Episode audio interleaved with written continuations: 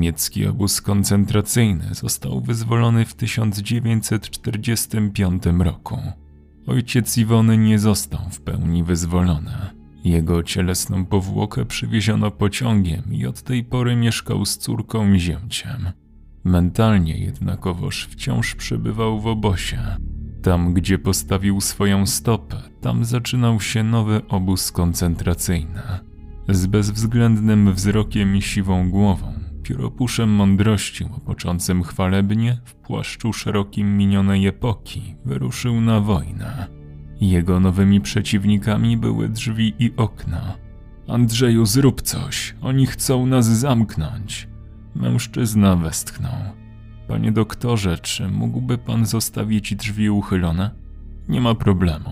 Proszę zostawić nas samych. Mężczyzna wyszedł, zostawiając teścia z psychiatrą. Panie Komski, bycie zamkniętym nie zawsze jest czymś złym. Jeżeli masz klucz, odparł starzec. Gdy był pan mały, pańska matka zostawiała pana śpiącego w łóżeczku z wysokimi barierkami, żeby pan nie wypadł. Z pewnością zamyka pan drzwi na noc, żeby nikt obcy się nie wkradł. To służy bezpieczeństwu. Na słowo bezpieczeństwo starzec się wzdrygnął.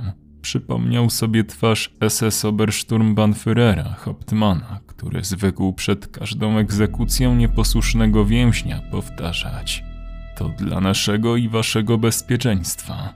Tuż potem zazwyczaj rozlegał się strzał w głowę. Henryk Komski słyszał te strzały 31 grudnia każdego roku tuż za oknem domu, w którym mieszkał wraz z córką, zięciem i nowonarodzonym wnukiem.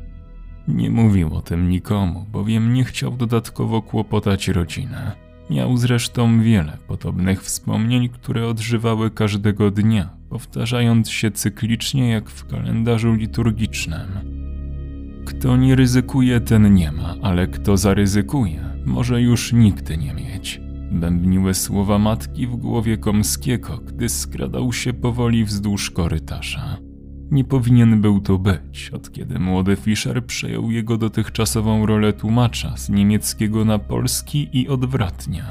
Żydowski kapo zajął jego miejsce i jednocześnie przywileje u Hauptmana. Jednak nie powstrzymało to Komskiego od wejścia do budynku, po którym jeszcze niedawno mógł się swobodnie poruszać. Pamiętał dobrze, jak Hauptmann obiecywał mu dodatkowe przywileje, jeśli będzie jego wiernym asystentem. Starał się jak mógł.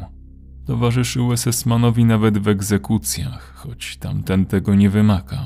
Wszystko to dla lepszego traktowania. I co? I nagle Hauptmann przestał się do niego odzywać, za to u jego boku pojawił się Fischer. Komski czuł się tym obrażony, wszak honor to było jego pierwsze imię.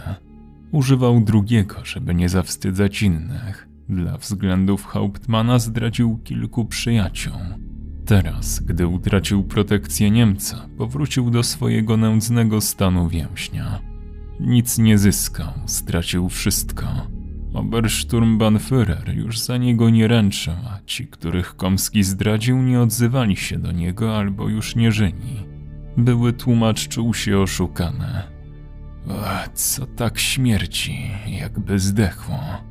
A, szczur, którego zjadłem. Myślał, próbując odwrócić swoją uwagę od ryzyka, jakie właśnie podejmował. Więzień rozejrzał się po różnych drzwiach. Pamiętał, jak jeden współwięzień powiedział mu, że za ciężkimi metalowymi drzwiami jest jakiś rodzaj zbrojowni. Nie ufał mu, zwłaszcza jemu. Był to jego przyjaciel, a przyjaciele byli najmniej przewidywalni. Po wrogu wiadomo było, czego można się spodziewać. Jeśli go zaatakuje, to żadne zaskoczenie. Z przyjaciółmi nigdy nie wiadomo, dlatego ufał im mniej niż wrogom. Sprawdził drewniane drzwi po lewej. Chciał wynieść z tego miejsca cokolwiek, by przykryć tym swój zawód. Nie po to wyrzekł się parę razy szacunku do samego siebie, by odejść z pustymi rękoma. Drzwi były otwarte. Powoli je uchylił i zajrzał do środka. W pomieszczeniu na łóżku spał młody Fischer. Jego przedramię, na którym jeszcze nie tak dawno widniała sześcioramienna gwiazda, przepasane było teraz, ironia dziejów, swastyką. Komski zdziwił się, że drzwi były otwarte. Nie uważał Hauptmana za na tyle nierozważnego, by narażał swoich pracowników na śmierć, co najwyżej na przewlekłe choroby.